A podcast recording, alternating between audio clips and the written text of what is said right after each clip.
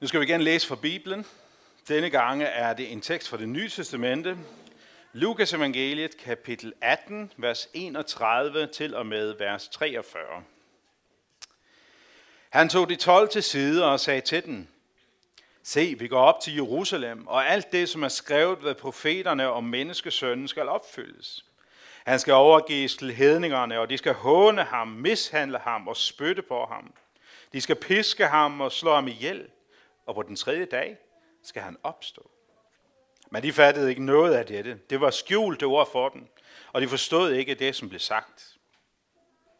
Da Jesus nærmede sig Jericho, sad der en blind mand ved vejen og tikkede. Han hørte, at en skare kom forbi og spurgte, hvad der var på færre. De fortalte ham, det er Jesus fra Nazareth, som kommer forbi. Der råbte han, Jesus, Davids søn, forbarm dig over mig. De, som gik foran, truede af ham for at få ham til at tige stille. Men han råbte bare endnu højere, Davids søn, forbarm dig over mig. Og Jesus stod stille og befalede, at manden skulle føres hen til ham. Da han var kommet derhen, spurgte Jesus ham, hvad vil du have, at jeg skal gøre for dig? Han svarede, Herre, at jeg må kunne se. Og Jesus sagde til ham, bliv seende, din tro har frelst dig. Straks kunne han se, og han fulgte ham og priste Gud, og hele folket så det og lovpriste Gud. Kære far i himlen, tak for dit ord til os nu. Vi beder om, at det her ord må være noget, vi kan lære af. Se mere, hvem du er, og tro på det. Amen.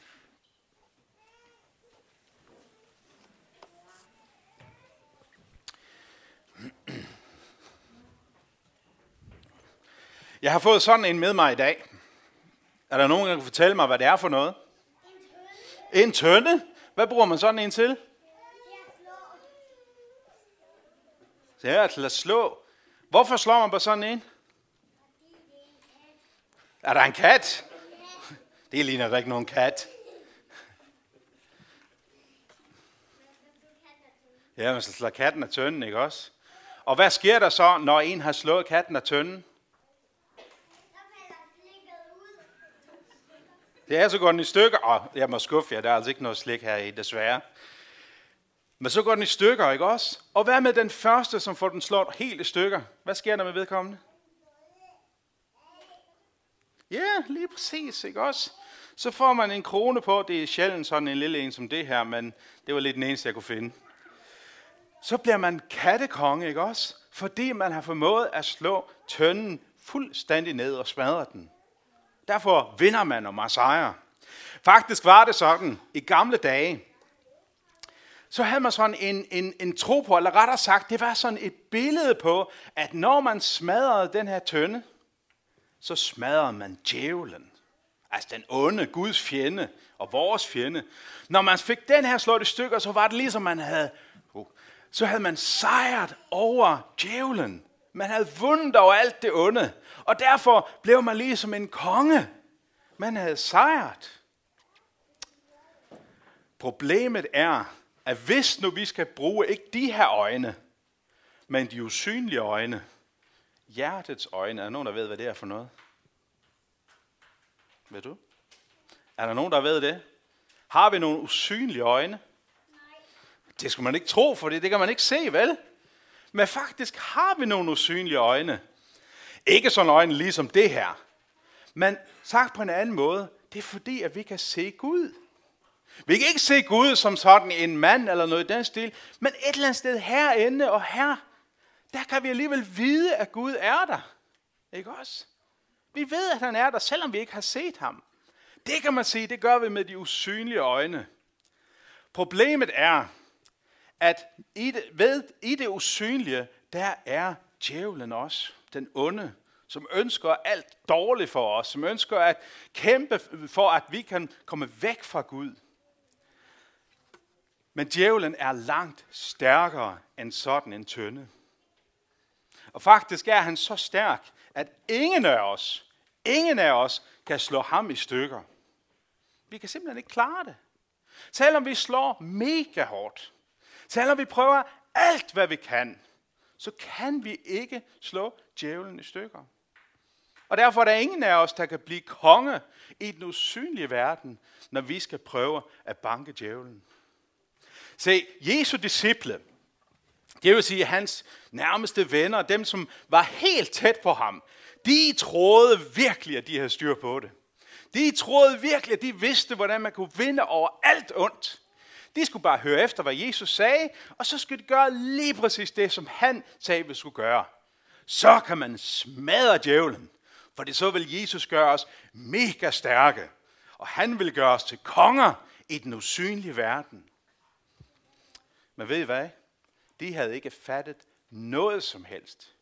De brugte kun de her øjne. Selvom de godt kunne se med de her øjne, så kunne de ikke se med de usynlige øjne. De kunne ikke se, hvad det var, Jesus havde gang i. Selvom Jesus fortalte dem, at snart, sagde Jesus, snart, så vil jeg gå hen til Jerusalem, som var hovedstaden for dem, der hvor templet var. Jeg vil tage hen til Jerusalem, og så skal de håne mig, de skal mobbe mig, de skal kæmpe imod mig, og til sidst skal de slå mig ihjel. Det er det, der skal ske. Jeg vil blive smadret. Jeg vil blive banket igen, siger Jesus. Og til sidst, så tror man, at der er ikke noget tilbage, og man tror, at det er djævlen, der har sejret.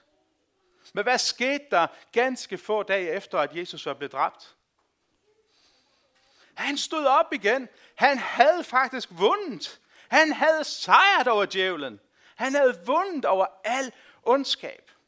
Det her kunne disciplene slet ikke se med deres øjne. De så kun Jesus, og de tænkte, han vil være en ny konge, og hvis vi virkelig er dygtige, hvis vi virkelig tager os sammen, så kan vi blive lige så gode som ham, han er, og vi kan sejre over det onde.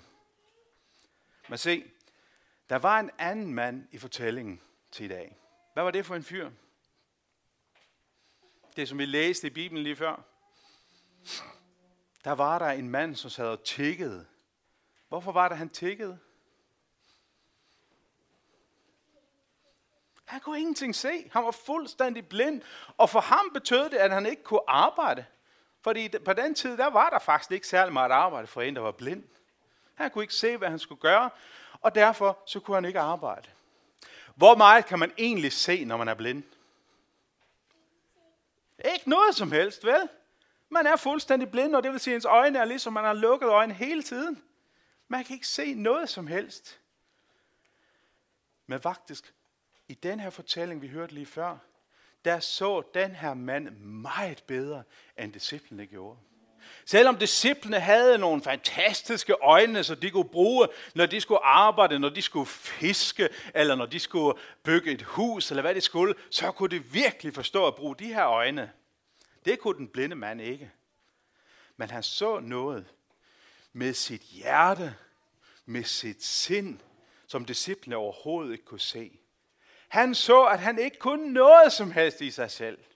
Han kunne sagtens se, at, at den onde og djævlen var så stærk, at han overhovedet ikke kunne smadre ham. Lige meget hvor meget han prøvede, så kunne han ikke smadre det onde. Han kunne ikke engang gøre sådan, at han kunne se. Men så hørte han noget. Han hørte noget. Han hørte pludselig, at der var mange mennesker, som nærmede sig. Der var en hel folkeskare af mennesker, som nærmede sig. Og han spurgte, han kunne jo ikke se noget som helst med sine øjne, så han spurgte, hvad er det, der sker? Hvad er det, der sker? Og så var der nogen, der fortalte ham, det er Jesus fra Nazareth, som kommer. Tænkte han, det er Jesus, der kommer. Og så råbte han, Jesus, Davids søn, forbarm dig over mig. Det, som han egentlig sagde med de ord, det var, Jesus, du, som Bibelen har skrevet om, det som Bibelen har fortalt om, det som Gud har sagt til os, vil redde os alle sammen. Ham er det, som jeg ved kommer nu. Han kan redde mig. Jeg er helt sikker på, at han sagtens kan smadre djævlen. Jeg kan ikke noget som helst i mig selv, men han kan sørge for det. Og derfor sagde han, Jesus, Davids søn, forbarm dig over mig. Se, dem i folkeskaren, som hørte han råbe sådan, de bad ham til stille. Faktisk var det sådan, at de truede ham. Nu holder du altså din mund. Ellers så kommer vi derhen, og så sparker vi dig, eller slår dig. Men han råbte bare endnu højere. Ved I, hvorfor han råbte endnu højere?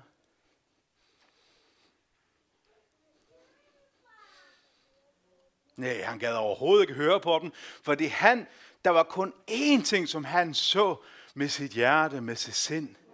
Og det var, her er han, som kan redde mig. Her er han, som kan hjælpe mig. Her er han, som kan smadre al ondskab og sætte mig fri. Og derfor råbte han endnu højere. Men Jesus kunne ikke rigtig høre ham, hvad? Eller kunne han? Ja, han kunne sagtens høre ham. Jesus hørte ham faktisk med det samme. Og han sagde til ham, kom her. Hvad er det egentlig, du vil have, jeg skal gøre for dig? Åh, oh, Jesus, at jeg må kunne se. Og så åbnede Jesus hans øjne, som var helt blinde, åbnede den, så han kunne se. Men faktisk formåede han at se, endnu han kunne se. Inden han kunne se, der så han faktisk endnu mere klart og tydeligt. Ikke fordi han så med sine øjne, men fordi han i sit hjerte så, at Jesus kunne smadre djævlen. Han kunne ikke selv, men Jesus kunne gøre det. Det vil sige, at han forstod faktisk det, som Jesu disciple ikke forstod. Jesu disciple, de troede, at de skulle være stærke i sig selv. De skulle nok klare det. Men den her blinde mand, han så, at han kunne ikke finde ud af noget som helst selv. Men hvis han gav Jesus lov til at hjælpe, hvis han gav, lov, hvis han gav Jesus lov til at være den, som skulle vinde over ondskaben i sig, så kunne han klare det. Og Jesus gjorde det. Jesus sagde til ham, din tro har reddet dig. Din tro har sat dig fri. Din tro har gjort, at du kan se, ikke bare med dine øjne, men med de usynlige øjne, med dit hjerte, fordi du troede på mig. Lad os bede sammen. Kære far i himlen, tak fordi du sendte Jesus Lad os smadre djævlen af ondskab. Tak fordi, at selvom djævlen er langt stærkere end vi er, så er du tusind gange stærkere. Tak fordi, at du har smadret djævlen, og du har faktisk gjort det endda sådan, at når vi dør, så dør vi ikke rigtigt. Så skal vi leve evigt sammen med dig. Tak fordi, at du redder os, og tak fordi, vi må tro på dig. Amen.